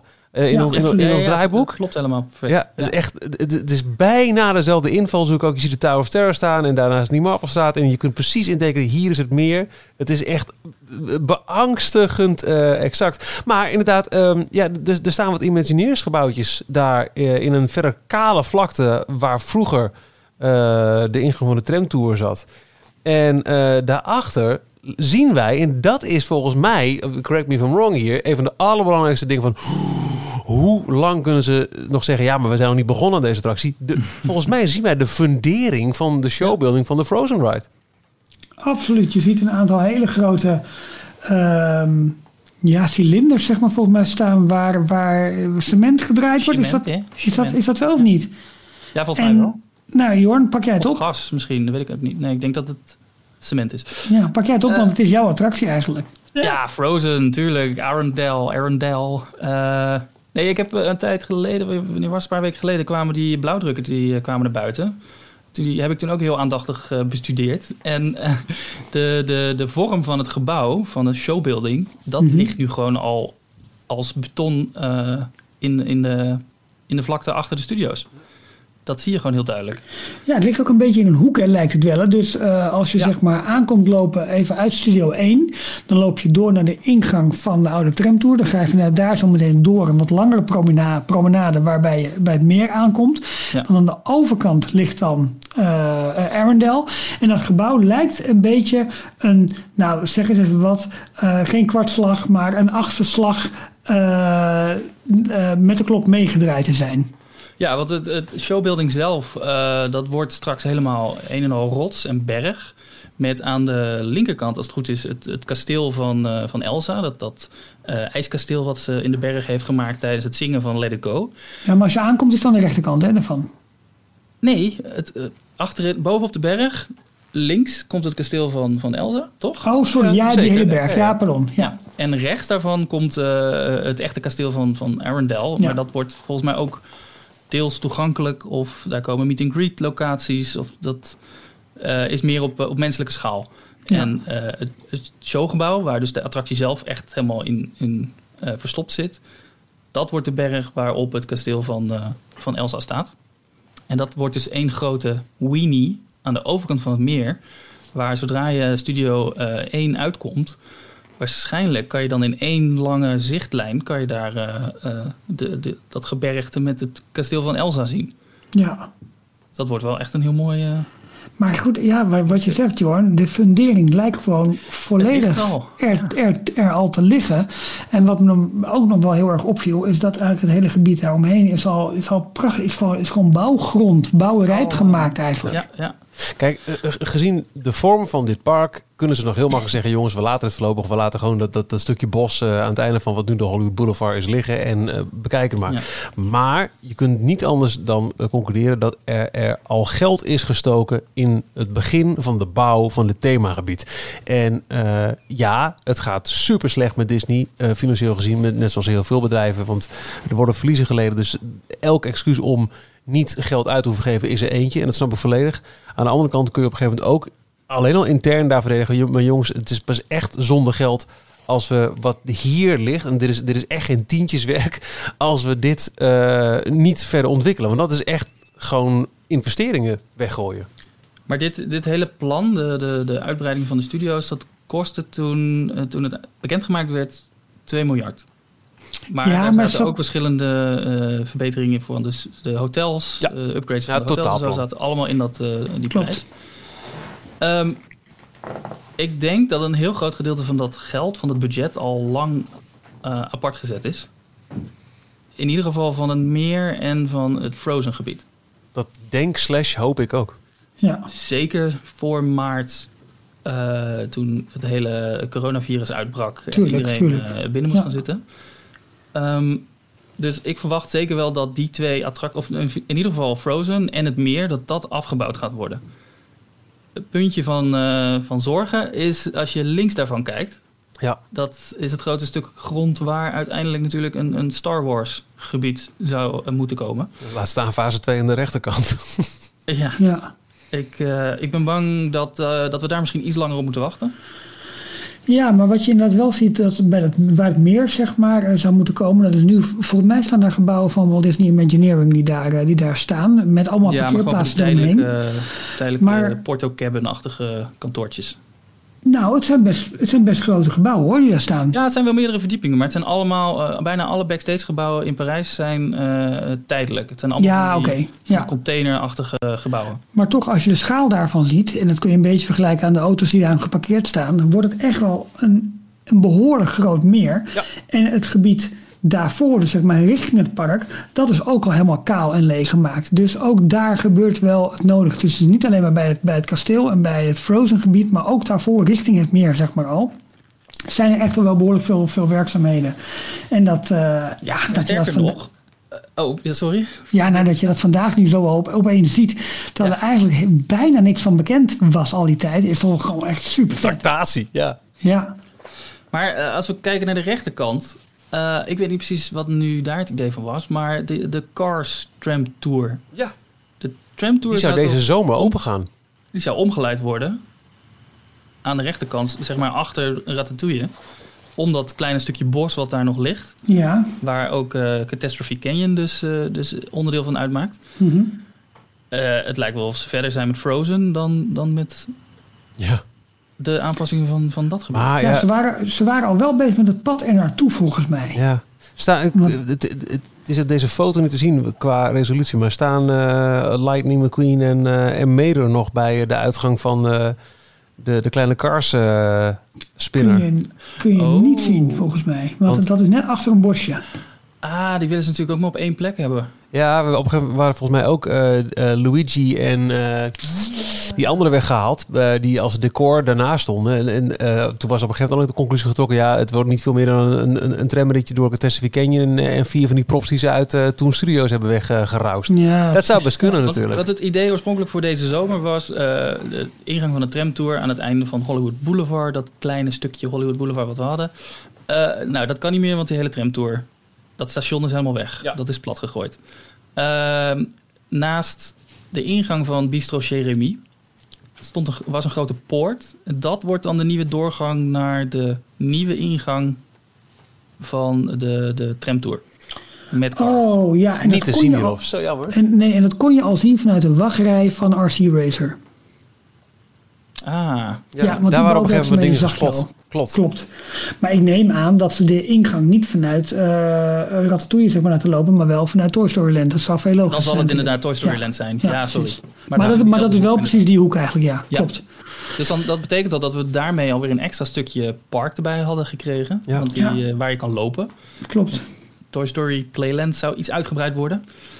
Uh, en dan zou je aan de linkerkant daarvan, wat ja, het, heel raar park natuurlijk, want het is echt in een U-vorm. Dus dat is mm. heel stom dat je vroeger altijd, uh, als je helemaal in, uh, bij Ratatouille was en je wilde naar een rock'n'roller coaster, dan ja. moest je dus je hele park door. Ja. Mm -hmm. Er was geen doorloopje. Dat wordt straks met dat meer, dan kan je er helemaal omheen lopen. Ja.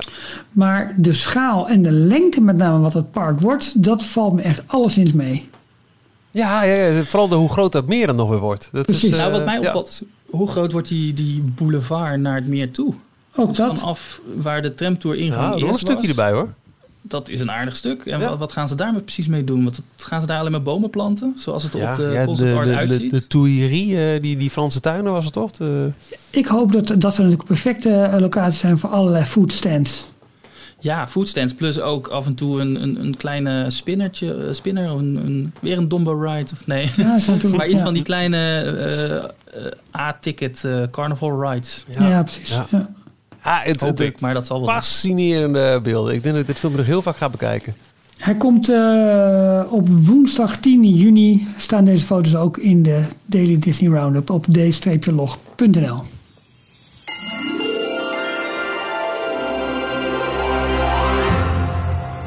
In de vorige details, aflevering 197, stipte het wel eventjes aan in de introductie. Space Mountain, 25 jaar in Parijs. Nou, Parijs deed een klein beetje een zeper met hun uh, viering op Twitter door te zeggen... Jippie, uh, gefeliciteerd Hyperspace Mountain. Waarmee alle fans van uh, De La Terre à la Lune op hun achterste poten stonden.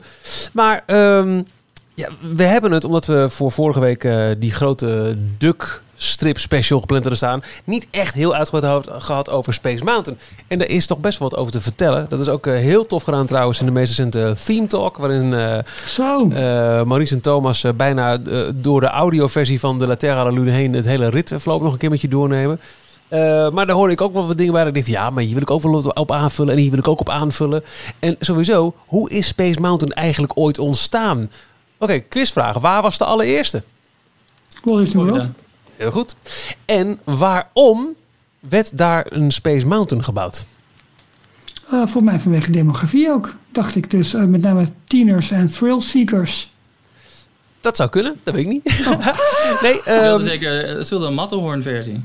Exact. Ja, de Matterhorn was de eerste echte thrillride die was gebouwd aan, uh, aan de, de westkust in Disneyland Anaheim. En het bewijs dat het dus wel kon, een achtbaan, een thrillride in Disneyland. Want dat was een heel lang bewuste keuze om het niet te doen.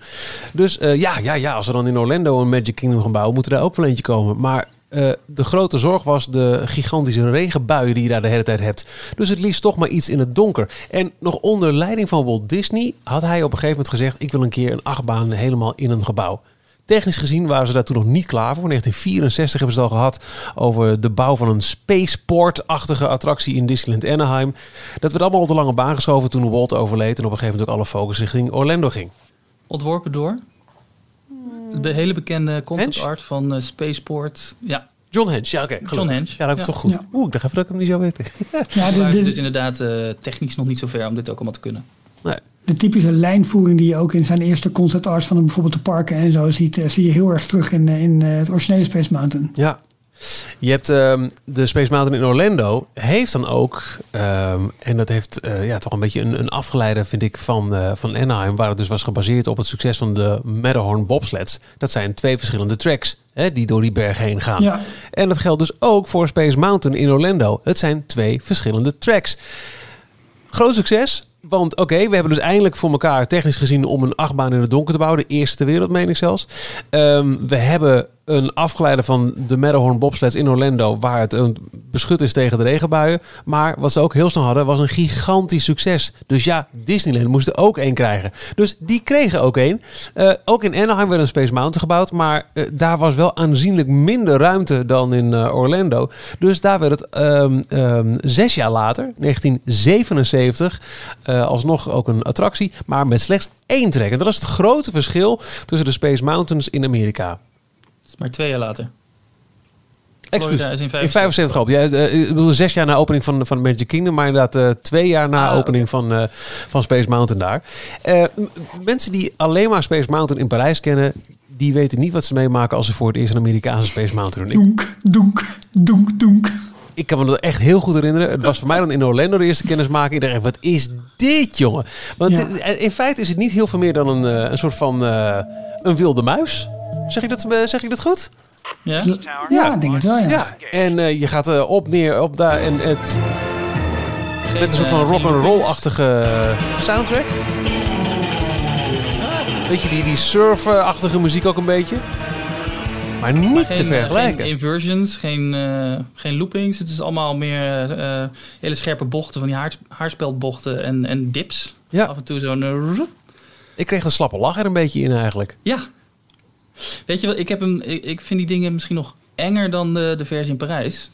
dus de Amerikaanse. Omdat je op een of andere manier besef je dat je veel meer dichter langs allerlei tralies en hekwerk en zo aan het soeven bent. Ik ga echt mijn handen in de lucht gooien daar hoor. Nee, nee. nee, nee, En je hebt natuurlijk ook geen uh, over de schouder beugel, waardoor je, waardoor je toch het idee dat je losser zit en helemaal in dat, in dat een, een wilde muis idee, zonder dat je ziet waar je heen gaat en dat je plotseling die, die heftige bochten hebt naar links en naar rechts, waardoor je echt van de ene kant van je, van je bakje naar je andere kant wordt gegooid. Dat maakt het zeg maar eng. Ja. Wat is het verschil tussen uh, qua, qua uh, bakje, qua raket, tussen uh, Orlando en Anaheim? Is dat hetzelfde verschil als de Splash Mountain verschillen? Ja. ja. Wat grappig.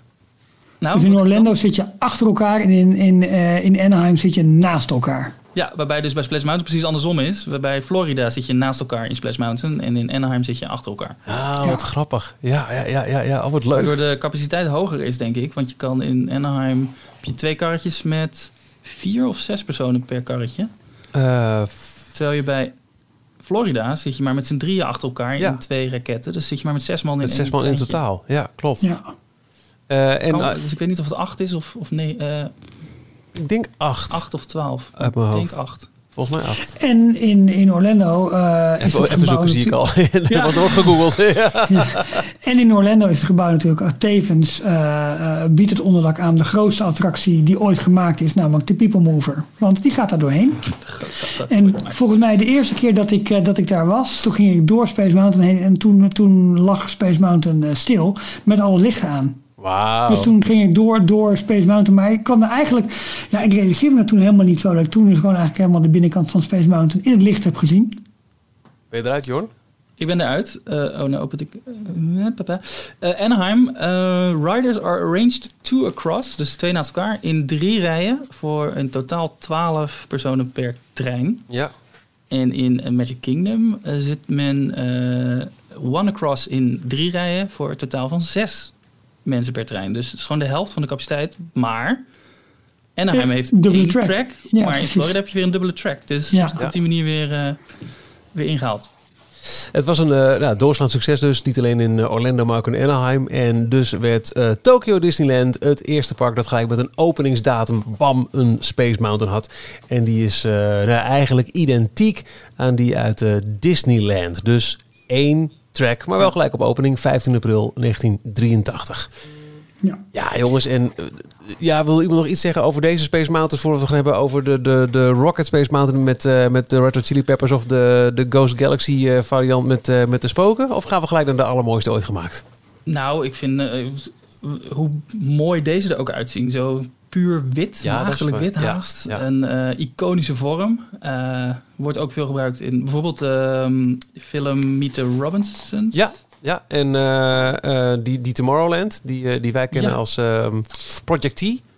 Het is heel erg futuristisch ogend. Dus dat, ja. Wat dat betreft hebben ze het echt heel erg goed voor elkaar. En vergeet niet wat ze hebben gedaan in Anaheim. Hè? Na het succes van ons Discoveryland hebben ze daar een poos ook hun Tomorrowland willen ombouwen naar die koperkleuren. Hebben ze de Space Mountain in koperkleuren geverfd. Nou, de kritiek was niet van de lucht van de diehard fans. en dat snap ik ook. En wat ze in Anaheim moesten doen, ze hebben niet alleen maar, uh, maar één track in plaats van uh, dubbele uh, baan in de attractie geplaatst, maar ze hebben hem ook verlaagd. Dus hij gaat heel diep de grond in. Ze hebben ja. een kuil moeten graven.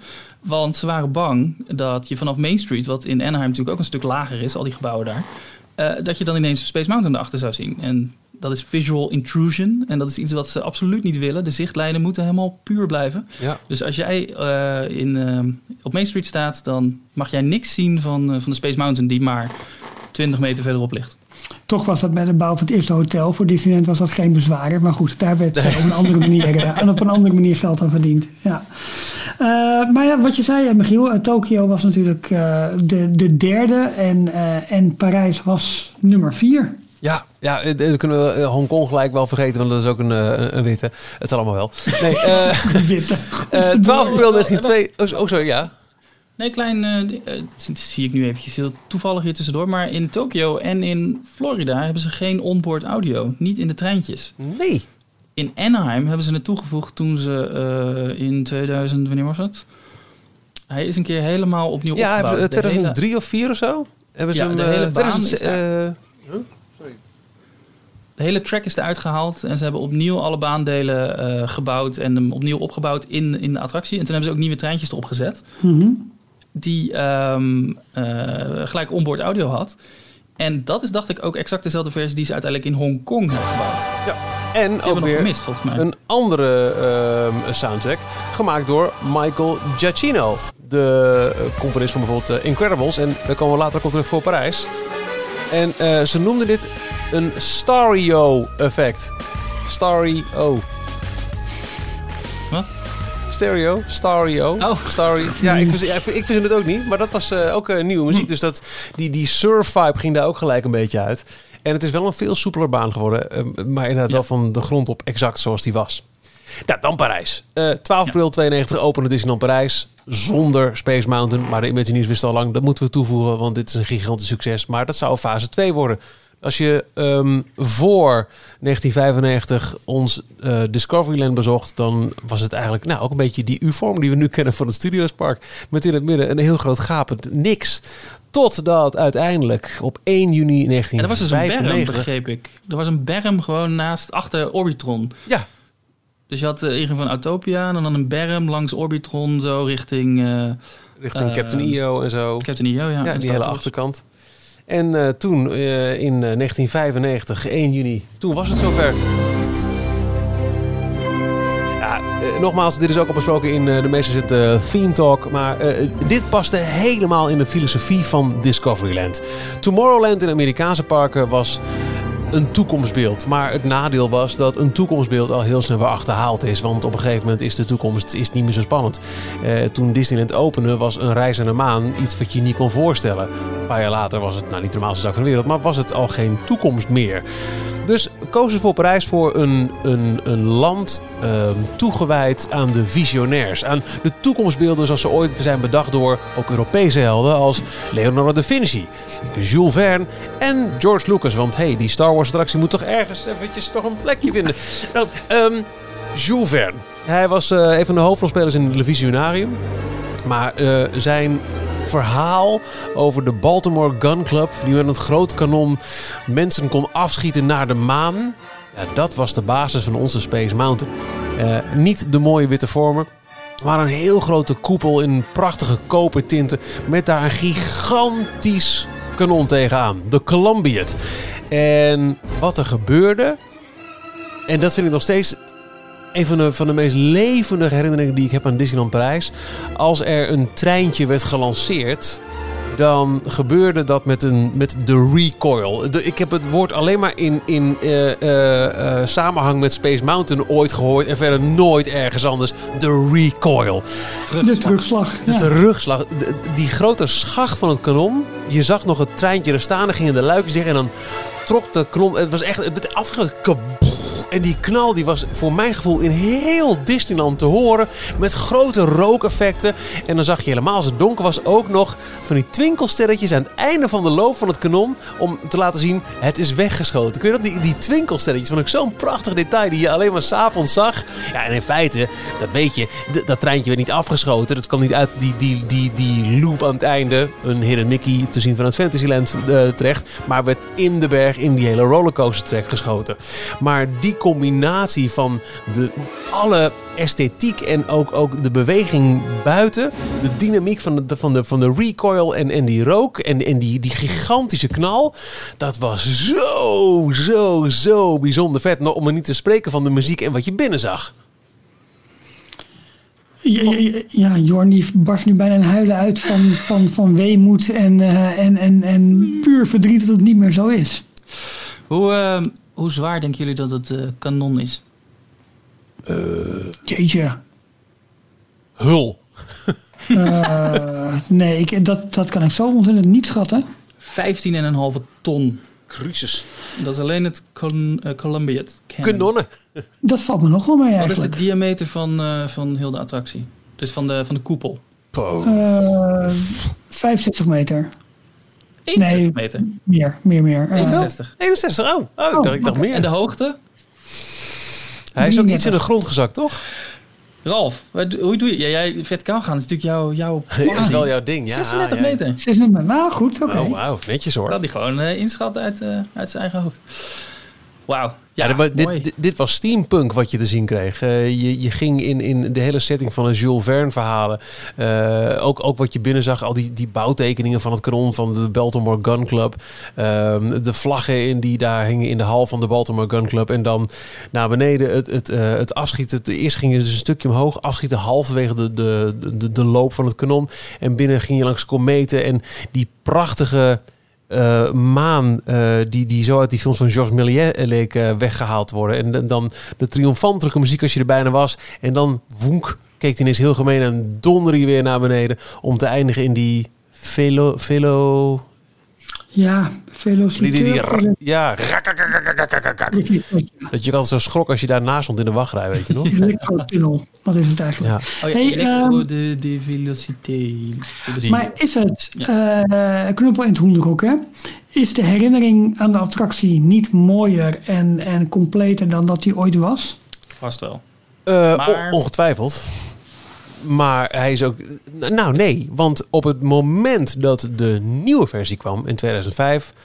Ja, er zaten een paar leuke dingen bij. Maar het was toch echt. Wow, wat was dit? Wat een inferieure versie aan wat het ooit was. Als ze nou gewoon geld in hadden geïnvesteerd in, in nieuwe treintjes. Want na tien jaar was de Vekoma-baan niet zo heel soepel meer. Waren we ook blij geweest. Maar nee, wat kregen we in 2005? In het kader van, we moeten toch iets nieuws doen. We kregen Mission 2. Niet langer naar de maan, maar ver daar voorbij. Met een explosie van een supernova die je eh, zag. En uh, een nieuwe muziek van, daar is hij weer, Michael Giacchino. Uh, een beetje de Pixar huiscomponist van dat moment.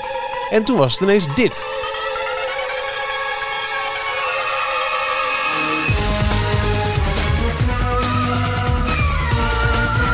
Ik zoek even naar de emotie in jullie gezicht, maar ik zie niks, hè? Nee hoor. Nee, ja, Kijk, als je het hebt over vernieuwing van een attractie en, eh, en misschien sneller, hipper maken. Uh, ja, dat snap ik deze muziek wel. Maar het heeft natuurlijk niet meer het, het, het mooie, grootse, lange halen dat de eerste soundtrack had. Nee, en, uh, er zat emotie in in die soundtrack. Dat, was, was echt een filmding. En dit was, het, het is een beetje flats. En, nou, een beetje dancey achter. Ja, kijk, niet, ik vond niet alles slecht aan Mission 2. Wat ik wel jammer vond, die recoil stond er heel lang uit. Want dat was te moeilijk en die rook dat deed het ook al helemaal niet meer. Dus dat was al jammer. Ehm, je werd nu onderaan de loop van het kanon gelanceerd in plaats van halverwege. Nou, dat vond ik wel een meerwaarde. Ik hoorde ze in Fiend ook zeggen, daardoor ging je aan het einde van de loop niet meer zo snel. Ik heb me niet ooit gerealiseerd dat dat een verschil was in ervaring. Ik vond het wel, wel vetter. ook een beetje omdat je de ene keer er een voorin deed, de andere keer achterin. Ja. Dat is natuurlijk altijd met een, met een, een, een lift heel wanneer je zeg maar over het dode punt heen komt. Ja. Als je voorin zit, duurt het überhaupt langer voordat dan de thrill van de val weer komt. Dus dat misschien ligt het daar. Dus dat weet, kan ik me ook niet zo goed herinneren hoor. Dan heb je de sterrenhemel in de berg. Nou ja, prima. Uh, wat ik wel echt leuk vond en echt een, een, een van toegevoegde waarde, was uh, die, uh, die, die rode laserlijnen aan het einde in die tunnel. Weet ja. Je, dat, vind, dat ja. vond ik echt een toffe toevoeging. Maar, die zitten er nu nog steeds in, volgens mij, ja, of niet? Klopt. Ja. Maar het verhaal, de wachtrij waar, waar alle emotie was weggehaald. Waarom ziet het er van buiten nog zo uit? Wat heeft het nog te maken met, met, met Steampunk en Jules Verne? Terwijl dat wel het uiterlijk van, van, van Space Mountain was. Mission 2 ja, en hoezo Mission 2? Ja, maar hoe leg je aan een bezoeker uit die er voor het eerst komt... Oh, wat is Mission 1 dan? Ja, nee, dat... Ja. is, Nee, maar dit, dit was puur een marketing push van... We moeten wat nieuws hebben. Hoe kunnen we dat op een nou ja, voordelige of acceptabele manier doen? Uh, kunnen we die attractie nieuw leven inblazen? En ik heb zelf wel het idee, dat sluit een beetje aan op wat ik net zei, is dat de uh, verheerlijking van de eerste missie toen wel heel erg begonnen is. Uh, maar op zich snap ik het wel dat na tien jaar zo'n attractie een keer een, een soort push krijgt. Want er zijn mensen die voor mij hebben gezegd: Disneyland is not a museum. Uh, en dat hebben ze hier denk ik op toegepast. Disneyland is not a museum. Zo, nu gebruik ik nee, even terug. Nee, nee, daar heb je maar gelijk in. Uh, kijk, een, een, een, al, al jarenlang dus te horen klacht was uh, dat de, de, de baan niet zo soepel was. Het was echt een hoofdpijnbaan. Ja. Uh, dus had nou geld geïnvesteerd in nieuwe treintjes. Want daar ging ook een heel lang gerucht over. Nieuwe treintjes, nieuwe treintjes zijn er gespot. En oh, nooit gebeurd. Tot Hyperspace Mountain met die, met die, met die elastieke beugels. Hè, mm -hmm. de, die rubber, daar komen we dan zo op. Um, maar... He, heeft het het effect gehad wat ze gehoopt hadden? Want de attractie was 10 jaar oud, 2005. Uh, en ze probeerden volgens mij daarmee gewoon zonder een compleet nieuwe attractie neer te hoeven zetten... met een beperkt budget probeerden ze weer een, een, uh, een marketing ding te hebben. Waardoor ze de attractie weer neer konden zetten, konden verkopen, uh, nieuwe mensen aantrekken naar het park. Heeft dat geholpen? Ik, ik heb de cijfers niet paraat, maar volgens mij, uh, alle verhalen die je altijd hoort over hoe in 1995 Space Mountain het, het resort heeft gered, dat is volgens mij totaal niet het geval geweest in 2005. Want het was uh, nog steeds zwarte cijfers uh, all over the place. Ook te danken aan het, het armetierige broertje, het Walt Disney Studios Park. Ja. ja. Maar, maar, maar dan begrijp ik niet de, de, de, tweede iteratie, of dus de, de, de, de, ja, de derde variant, Hyperspace Mountain, begrijp ik dan beter eigenlijk. Ik had hem liever teruggezien. Maar ik begrijp wel dat dat een verandering is waarmee je een nieuwe doelgroep kunt trekken. Helemaal op het hoogtepunt eigenlijk gebracht van de nieuwe Star Wars saga. Het brengen van meer IP, het brengen van meer verbinding in je hele universum van je, van je karakters en, en van, je, ja, van je intellectueel eigendom. Snap ik die move wel. Het slaat nog steeds als een tang op een varken dat het in dat gebouw plaatsvindt op die manier. En, en dat het er feitelijk bij de haren is bijgetrokken. Maar de show binnen, waarvan de muziek volgens mij echt een groot deel speelt. Ook hier weer hè, in, de, in deze mhm. versie. Ehm, snap ik die veel beter. En is, en is twee echt als het ware een soort van bijna een zwarte bladzijde in de geschiedenis van Space Mountain in Parijs. Nou, wij hebben hem uh, op opening, nog voor opening gedaan, Jorn, uh, Hyperspace Mountain. En uh, nou, correct me if I'm wrong, maar jij bent zeker ook op Twitter best wel een, een, een, een behoorlijke voorstander van Bring Back the Moon. Toch? Jij bent echt, jij houdt ook heel van steampunk. Die oorspronkelijke Space Mountain, daar vind jij wel wat dingen van. Ja, ik, ik zou het liefst een ehm, mission, uh, wat is het dan, anderhalf of tweeënhalf? Of mission 3 dan wel misschien. Mm -hmm. uh, een mix van de hoogtepunten uit mission 2, maar dan wel met de oude muziek en uh, de projectie van de maan. Dus het weer terugbrengen naar het, het Jules, Verne Jules Verne thema waar het op gebaseerd is. Maar dan bijvoorbeeld die, die rode lampen ja, ja terugkomt. Die ja. Dat, ik weet niet of dat past, maar dat zou wel, wel leuk mogen. En het afschieten van beneden af in plaats van half. Maar gaat Star Wars ooit nog weg? Ja. Ja. Dat is, al, dat is volgens mij al gezegd. Dat is een tijdelijke overlay. Maar de vraag is, wat krijgen we ervoor terug? Een ander ding wat ik nog weet van, van uh, de oorspronkelijke Space Mountain... was ook een soort van, ja, een, een, een, een achterkant van loop of zo die open was. Je ging ook echt door een fysieke uh, prop heen. Weet je het nog? Een soort van. Nee. Een soort van kroon was het, maar dan uh, ja, een, een kapotgesloten oh, kogel. Ja. Wat was het precies? Ja, de, Hangt die daar de, nog? De mom, the mother of all meteorites. Oh ja. Ja, ja, ja. En uh, want het, het, idee was dat er uiteindelijk, uh, daar ging je ook langs, dat ze op meteoren konden, konden minen. Dus daar waren mining oh, op die meteorieten geplaatst. En daar ging je, schoot je continu langs. Een near miss, dat je net weer op het laatste moment uh, de andere kant op ging. Kijk, ik heb het idee, uh, die maan uit de allereerste, dat was de maan. Daarna werd het een groot scherm waar die supernova op werd geprojecteerd. En het is nu een scherm waar zo'n Star Destroyer op is geprojecteerd. Op dat scherm kun je ook die maan volgens mij weer plakken, die je ook weer boos gaat kijken als je er bijna bent geweest. Ik vind dat scherm zo lelijk. Je ziet het zo dat het een ja, je ziet de randen, hè? Ja. En dat, is die sterren, die disco ball sterretjes, die ze overal door de hele attractie aan hebben staan. Daardoor zie je dat, dat het een koepel is. Je ziet gewoon de, de binnenkant bekleding van het dak. Ja, Dat, is, dat, maar dat haalt de illusie zo ontzettend weg. Terwijl ze nu met de nieuwe projectietechnieken vanuit binnenuit, je kunt daar bij wijze van spreken, kun je daar een grote bol neerhangen waar je het gezicht van de maan van binnenuit projecteert. Denk even aan de animatronics zoals die bijvoorbeeld in de Seven Dwarf Mine Train eh, gebruiken. Bij de Zou je de randen van het scherm ook zien als de discobollen uitstaan? Of is het dan donker genoeg dat je er wel mee wegkomt? Volgens mij, eh, de project, projectoren die ze gebruiken voor dat projecteren, volgens mij zijn die gewoon zo fel. Hmm. Ik weet het niet hoor. Maar je bent het mee eens, je ziet gewoon het scherm hangen. Ja, en dat, dat vind ik... Dat Alsof je naar een diaprojectie kijkt. Ja, precies. Ja. Kijk, ze hebben dus uh, nieuwe wagentjes erop gezet. Uh, met, met betere beugels. De rit is echt weer behoorlijk soepel. Zeker voor een 25 jaar oude baan. Maar wat ik uh, heel mooi vond, en dat was ik in de, de fancommunity.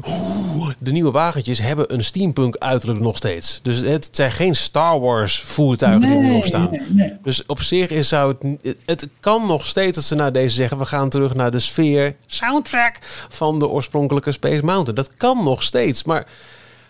What are the odds? Wat denken we? Wat verwachten we? Ja, jullie verwachten dat het gaat gebeuren. Ik denk dat Star Wars echt nog wel even blijft. Als ze slim zijn, dan, dan, hebben ze, dan luisteren ze naar die, de feedback. Ik weet niet of het alleen maar fans zijn die dat roepen. Dat zal vast wel. Ja, ik denk uh, niet dat, dat, dat Truus uit Almere, dat, is nee. dat die uh, weet van de La Terre à la Lune. Maar ze nee, kunnen daar zoveel mee goed maken, denk ik. In maar de die community in ieder geval. Ja. Die attractie in die vorm is inmiddels 15 jaar geleden. Ja, maar weet je, het, het was wel het... Niet, het, het, gaat om het verhaal, het gaat om het thema. Breng dan hetzelfde verhaal weer terug. Hetzelfde thema, Jules Verne, afschieten naar de maan, Columbiad, het kanon weer in Club. Gewoon dat, al, dat helemaal. En haal alle moderne referenties naar uh, supernova's en verdere ruimtereizen, haal dat eruit. Breng het weer terug naar dat Victoriaanse ruimtethema. En, maar doe dat met de moderne technieken. Ja. Kijk, ik denk serieus dat, dat, dat die muziek van die oorspronkelijke attractie heeft, heeft, is een filmscore met, met de bijhorende emoties. En uh, Mission 2 wordt volgens mij ook gelanceerd, letterlijk, met een optreden van Chesto. Het is het verschil tussen een, ja. een klassieke filmbeleving of het moet heel erg hip zijn. Hier is Chesto in 2005. Ja, uiteindelijk niet indurfde, geloof ik. Serieus? Ja. Wauw. Maar, maar, ik denk dat dat altijd, zeker als je moderne technieken gebruikt, dat zo'n zo'n klassieke filmscore en, en zo'n zo'n avonturenverhaal, want het is, het is een avonturenverhaal, dat het altijd meer zou appelleren dan per se heel erg geforceerd um, uh, iets hips willen doen. Of het aan een IP willen hangen als Star Wars. Wat, wat, wat leuk is nogmaals, ik vind hyperspace vind ik vermakelijk. Ik snap het ook in marketing push. Maar als het gaat over echt een grote klassieke attractie, denk ik serieus dat met, de, met goede technieken dat je Mission One, ik noem maar eventjes zo, de oorspronkelijke Space Mountain, heel succesvol terug kunt halen. Zonder dat het een, een rit op nostalgie gebaseerd is voor ons oude fans. Ik denk het ook, maar misschien is het ook wel zo dat ze zoiets pas doen op een moment dat ze een Star Wars gedeelte in de studio's hebben. Want ze hebben natuurlijk nu een heel mooi uh, Star Wars hoekje met nee, Star Tours. Ja. En met nu ja. Ja, maar het is nu wel het, de Star Wars plek voor het hele resort. En dat gaat zo meteen denk ik in de studio's komen. Ook al is het over een paar jaar. Nou, een paar jaar. Star Tours dan nog wel eventjes houden. Gaat toch weg met je Star Wars. nee, maar dat, dat denk ik. Er is nu denk ik geen enkele reden om het, om het terug te brengen. Behalve dan een aantal nostalgische fans die het fantastisch vinden. Heb je het over ons? is namelijk een no-brainer om jonge mensen naar het park te krijgen. Ja, welke, welke componist heeft de muziek gemaakt van de oorspronkelijke uh, Space Mountain? Weet je dat nog, Michiel? Uh, dat, uh, ik heb het geweten toen ik mijn playlist aan het samenstellen was. Maar, Als je de, de BBC-documentaire Shoot for the Moon... Oh, die is ook mooi. Die dan is gaat goed. op een gegeven moment op bezoek bij de componist... die dan op zijn pianootje even dezelfde de score zo langzaam oh, pingelt. Oh, jongens. Heel mooi. Steve Bramson. Dat zeg ik. Maar er is dus diezelfde persoon waar ik het in het begin al over had, Jeffrey Hawkins, die heeft weer een, uh, een, een factsheet uh, online gezet over Space Mountain. En daar staat in: Original musical score for Space Mountain was written by movie composer John Debney. Oh. Daar staat dus een hele andere naam. Hmm. Van uh, Debney van Parijs. Is het later overgenomen door iemand anders? Wie heeft de oorspronkelijke soundtrack geschreven? Was de oorspronkelijke hmm. voor Discovery Mountain een andere Geen soundtrack? Ah, maar hey, ja, Ralf, weet je, je hebt gelijk ook al met je... Disneyland is not a museum. Maar als je nou kijkt naar hoe prachtig die poster van de oorspronkelijke attractie eruit zag... en, en hoe het klopte met het uiterlijk van de berg... en, en, en, en het afschieten van zo'n kanon. Het was toch een fantastisch... Dit was toch storytelling tot op het bot? Jawel, maar dit is nu precies de plek waar ik jullie hebben wil. En dat ik door één keer mijn kont in de krip te gooien... heb ik jullie daar al. Ja, maar en, het, nu ja. zie je dus, en nu zie je dus wat Disney-historie betekent als het allemaal vervangen wordt door IP en andere Ralf, dingen. Wat, wat, wat zijn jouw argumenten waarom uh, Hyperspace Mountain bij Star Wars hoort? Uh, nul. Ik, ik denk alleen maar vanuit uh, uh, de marketingmogelijkheden die Star Wars voor het resort in Parijs doet. Nee, dat snap ik ook wel. Nee, marketing, nee joh. Nee, maar. Ja, toen het geopend wel. Boe, jawel, nee. nee, maar het hoeft voor mij ook niet. Maar het, het, het is een, het is een nou, hoe je het in het andere document zag ook, het is een soort home run voor ze. We hebben Star Wars in de parken. Je kunt de reis naar de sterren en daar voorbij maken. Niet alleen de Star Tours, maar ja. ook in Space Marketing, Het is, marketing is heeft een ervoor compleet gezorgd- verhaal. Marketing heeft ervoor gezorgd dat we Mission 2 hebben gekregen. Marketing heeft ervoor gezorgd dat we Buzz Lightyear in Discoveryland kregen en de Visionarium niet meer kunnen bezoeken. Nou, Nee. vind ik het weggaan van Visionarium geen punt, want dat was een achterhaalde ouderwetse attractie. Maar het toevoegen van Buzz Lightyear in Discoveryland, Het hele Dat idee is achter wel Discoveryland. Ja. Wij hebben problemen met Tomorrowland omdat de toekomst ons steeds inhaalt. Of wij halen de toekomst in. Uh, dus we doen uh, een, een themagebied gebaseerd op een niet bestaande toekomst. Ja. Gebaseerd op de, de visionairs van, van het verleden. En daarom past het zo prachtig bij de Discovery Arcade, waar je allemaal posters ziet van steden zoals San Francisco in Ja. 2000 nog wat, zoals gezien in 1900. Het enige gebied, het enige land in Parijs wat ze niet heb, uh, aan hoefden passen daar, daar zijn ze continu met hun vingers bezig geweest om Space Mountain eruit te halen, om uh, Visionarium eruit te halen. Hanya Shrunk the Audience hoorde daar niet thuis. Star Tours ja, was eigenlijk al vanaf het begin een beetje raar. Het zegt ook. Het is het enige land waar ze continu alle originele verwijzingen naar wat het thema was, ja. Weggegooid hebben. En als je, als je, zonde. Als je goed naar me hebt geluisterd, ben ik ook absoluut geen, geen pleitbezorger dat dit moet blijven. Alleen ik denk puur vanwege de financiën en de mogelijkheden die ze hebben dat ze dat doen. Het is bovendien namelijk het uitgangspunt een, een verleden, zeg maar, wat ook niet controversieel is. Kijk, je hebt heel veel verleden. Kijk naar bijvoorbeeld naar uh, de Amerikaanse burgeroorlog. Of als we het in Nederland hebben over de, over de Gouden Eeuw of dat soort dingen. Als je dat soort themagebieden hebt, die, die zijn controversieel, helemaal in de tijd van nu die we hebben.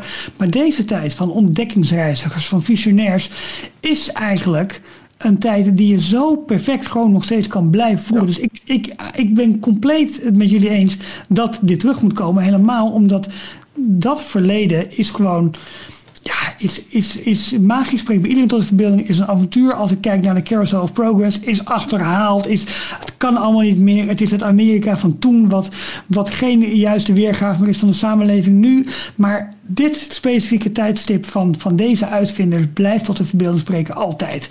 Dus het kan ook gewoon terug. Alleen Disney doet het niet omdat het marketingtechnisch moeilijker is en lastiger is. En dan doet het wel extra pijn om te zien dat ze dan in... Uh, is het nou Shanghai of Tokyo? Ben ik even kwijt. Dat ze zo'n soaring neerzetten in een volledige Leonardo da Vinci stijl. Die, dat schreeuwt toch van... Dat, dat hoort daar in, in het oorspronkelijke De Oriental Land Company weet wel hoe ze met een Disney park om moeten gaan. Oh. het zit nou, allemaal in management team van Parijs. Voorlopig houden ze hem ook dicht, hè? Ondanks het opheffen van alle noodmaatregelen daar. Ja. Nou, kijk, Hyperspace Mountain was absoluut een verbetering boven Mission 2. En zeker van het marketingoogpunt op het hoogpunt van de Star Wars films te begrijpen. Maar ik hoop dat ze zich aan hun eigen belofte houden dat het een tijdelijke attractie is. En sorry als je hem dan pas weer opheft tegen de tijd dat we een Star Wars land hebben in het Studiospark. Dat is niet tijdelijk. Dat, is, dat, dat zou dan echt gewoon een leugen zijn. Het kan niet meer af inderdaad. Nee, ja. Maar, maar, dat ze dan daarna teruggaan. het probleem met die belofte die ze gedaan hebben? Oh, het probleem met de belofte die ze gedaan hebben is dat ze teruggaan naar Mission 2. Dat hebben ze al gezegd. Ja, en dat is... Ja, nou dan uh, zetten we jou daar voor de ingang neer. dat gaat misschien allemaal niet doen, vriend. Uh, kom op zeg, hé. dan zetten wij gewoon echt het zwaarste geschut in dat we hebben. Geen niet?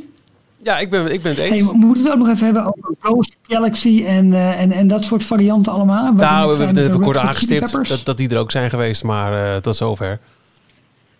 Wat ja. is eigenlijk in, in Amerika? Is daar ook allemaal nog Star Wars Hyperspace Mountain? Uh, nee, Anaheim was een gewone toen ik er vorig jaar was. Uh, en toen ik ja, daarvoor met Halloween was, inderdaad die Ghost Galaxy die je net uh, benoemde, Ralf. Ja. Die, dat, dat, dat je telkens als je een, een, een, drop doet, dan is het vlak voordat er een projectie komt van een, van een, een soort van space spook dat je wil pakken. Maar hoe gelukkig ga je net op tijd die drop in. Um, en Orlando ben ik al een poosje niet geweest. 2016 was het volgens mij een gewone Space Mountain. Ja, nu ook nog. Ja, ja want die Ghost, Ghost Galaxy doen ze geloof ik tijdelijk voor rond Halloween. Ja, klopt. En uh, Star Wars was tijdelijk rond de lancering van de Star Wars films. In Hongkong dus hebben ze nog wel uh, van, hyperspace. Het is, een, het is een tijdelijke overleden, dus we halen hem er weer af. Maar in Parijs is het weer een tijdelijke overleden voor, voor vijf jaar. Hey, en, en wat was dan die Red Hot Chili Pepper variant, Michiel? Dat deden ze, ja, we hebben het laatste keer over gehad ook in deze eh, podcast. Uh, nee, begin zero's volgens mij of zo. Um, uh, wilden ze ook weer wat meer jongeren trekken. Dus uh, kon je in zowel um, California Screaming als Space Mountain oh, ja. een soundtrack horen. Een onboard soundtrack van The Red Hot Chili Peppers in Anaheim hebben ze natuurlijk niet de Rock'n'Roller Coaster met Aerosmith, maar ze wilden wel een dergelijke ervaring daar. Maar ja, toen was Aerosmith ja. uh, zelfs toen al uh, een uitgerangeerde band. Uh, dus uh, de Peppers, die zaten toen nou, best op, op, op, op het toppen van hun roem met, met net Den California het, en Stadium Arcadium bedoel ik, dat, dat dubbel album met al die hits ja. eruit. Ehm, een leuk verhaal ervan wel is dat de band zelf het eigenlijk helemaal niet wist, want het was door een management geregeld en zelf hadden ze geen idee dat ze ineens de soundtrack waren van een Disney-attractie. Ze waren daar zelf mhm. helemaal niet zo heel blij mee. Nee. Um, en en wat, we, wat we eigenlijk nog hebben vergeten is dat het enige park zonder Space Mountain is het resort of het park in, in Shanghai. Ja, die, die zijn net weer een, een level verder met wel een IP, maar wel een heel vette. Ja, met Tron. Ja, dat bedoel Tron, Power Light Cycle, nog iets, nog iets. Die dan weer na Space Mountain in Orlando wordt gebouwd. Het oorspronkelijke, ja, dan is alles weer... Uh, Ja, dan is de cirkel weer rond. Dat is wel een uh, next level inderdaad. Want dat is een, uh, een boosterbike concept waarbij je dus op een uh, motor plaatsneemt. De naam trouwens van de, de, de, de Peppers mountain was de Rock It Mountain. Rock It. Oh, wauw. Ja, ja, met een... Ja, jij wilde ook iets zeggen, Jorn, want jij stak heel, ja. heel driftig je hand op. Ik heb nog een, nutteloos feitje, wat misschien wel leuk is. Ah. Sommige mensen vinden dat leuk, misschien jullie ook. Gek op. Um, Wisten jullie dat uh, de Universiteit van Zurich heel erg blij is met uh, de bouw van Space Mountain in 1995? Want zij hebben onderzoek gedaan naar de, uh, duurzaamheid en stressgevoeligheid van staalkabels. En ze zijn dus heel erg blij dat Disney een 120 miljoen dollar kostende testmachine voor hun hebben gebouwd. Ah. de kabels, de, de manier hoe de trein wordt afgevuurd, dat hebben ze afgekeken van een vliegdekschip. En werkt met staalkabels. En elke drie maanden, uh, na 120.000 uh, lanceringen worden de kabels vervangen. Uh, en uh, de Universiteit van Zurich deed al snel na de opening deden ze onderzoek. En kregen zij dus die verwijderde kabels, die kregen zij opgestuurd. En konden ze helemaal microscopisch gaan kijken naar waar, op welke plekken die kabels uh, basjes uh, begonnen te, te, vertonen. En wat dus de, de stressgevoeligheid was van die, van die dingen. En dat, uh, ja, daar zijn ze heel erg blij mee. Want dat heeft uiteindelijk weer gezorgd dat, dat andere, bijvoorbeeld bruggenbouwers, maar ook vliegtuigschepen, dat die weer een stuk veiliger konden worden. Doordat wow. ze onderzoek konden doen in, in Space Mountain. Wat een nutteloos feit, maar wel een ja, leuke. Goed, zeg maar, ja. Met andere woorden, Disneyland is dus nog een museum, maar wel een wetenschappelijk experiment. Elke 36 seconden worden er 24 mensen de lucht ingeschoten. Weet je wat eigenlijk gewoon op neerkomt? We willen gewoon dat die parken waar open gaan, dat we weer gewoon een keer, ook al is het naar, naar, naar Hyperspace Mountain of, of Desmos Mission 2 of uh, whatever. We willen gewoon een keer de, de, ruimte in, jongens. Toch? Maar we moeten nog vragen behandelen, Michiel.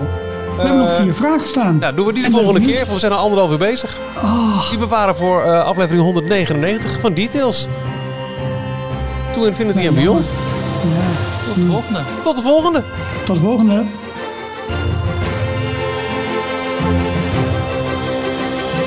Tot zover deze aflevering van Details. Check d-log.nl voor meer afleveringen. Vergeet je niet te abonneren en tot de volgende keer.